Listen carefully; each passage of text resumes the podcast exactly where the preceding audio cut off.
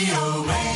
Itoophiyaatti sababa waraanaa fi walitti bu'iinsaatiin daa'imman umuriin isaanii waggaa lamaa fi isaa gad ta'e talaallii argachuu qaban osoo hin argatin kan hafan lakkoofsaan gara miiliyoona tokko olii akka ta'an ministeerri fayyaa ibsee jira. Kanaafis naannolee waraana keessa turanii fi gareen hidhattootaa keessa socho'an keessatti bakkeewwan haalli nageenyaa fooyya'eera jedhametti bifa duulaatiin daa'imman kanneen biraan talaallii kana qaqqabsiisuudhaaf hojiin eegalameeraa jedhan obbo Yohaannis Laaqaw daayirektarri itti aanaa daayirektoreetii fayyaa haadholiif daa'immanii fi qindeessaan sagantaa talaallii ministeera fayyaa. Akka biyya keenyaatti rakkooleen nu mudatan jiru. Waraanni hongeen buqqaatiin uummataa rakkooleen uumaman waliin ga'iinsa tajaajila fayyaa irratti miidhaa geessanii jiru.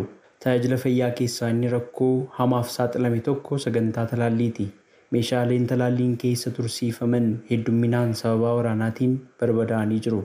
Kanaaf torbee talaallii kanaan naannawa miidhamni irra qaqqabe irratti daa'imman tajaajila talaallii hin arganne waan jiraniif carraa kana fayyadamuun akka duulaatti talaallii kana akka argataniif haala mijeessaa jirra.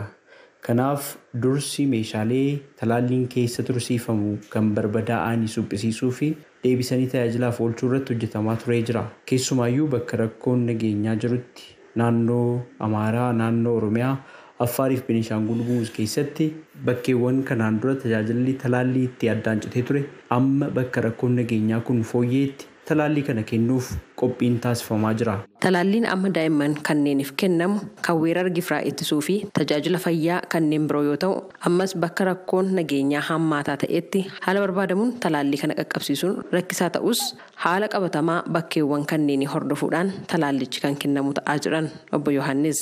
አክቲቭ ጦርነት ያለበት ቦታ ላይ እንግዲህ ግብአትም ሰውም ባለሙያም አይደርስም። Bakka ammallee rakkoon jiru qaqqabuun rakkisaadha.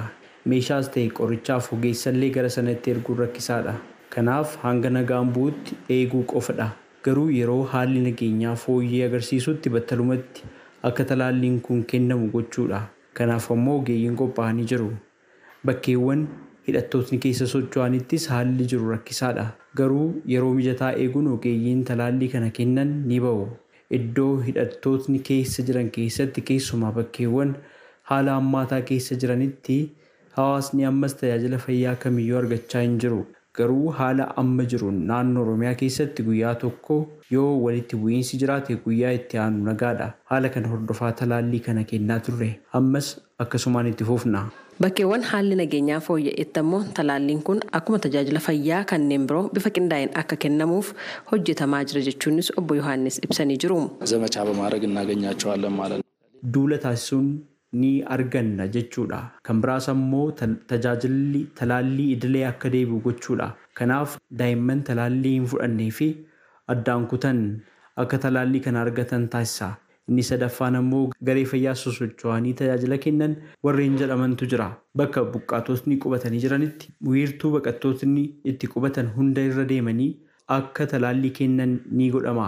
Ministeerri fayyaa talaallii torbaan kanaa eegalee kennuun daa'imman miiliyoona tokko ol bira qaqqabuudhaaf akka karoorfate ibsee jira. Gabaasa sagalee Ameerikaatiif Tsahaay Daamxoo Finfinneerra.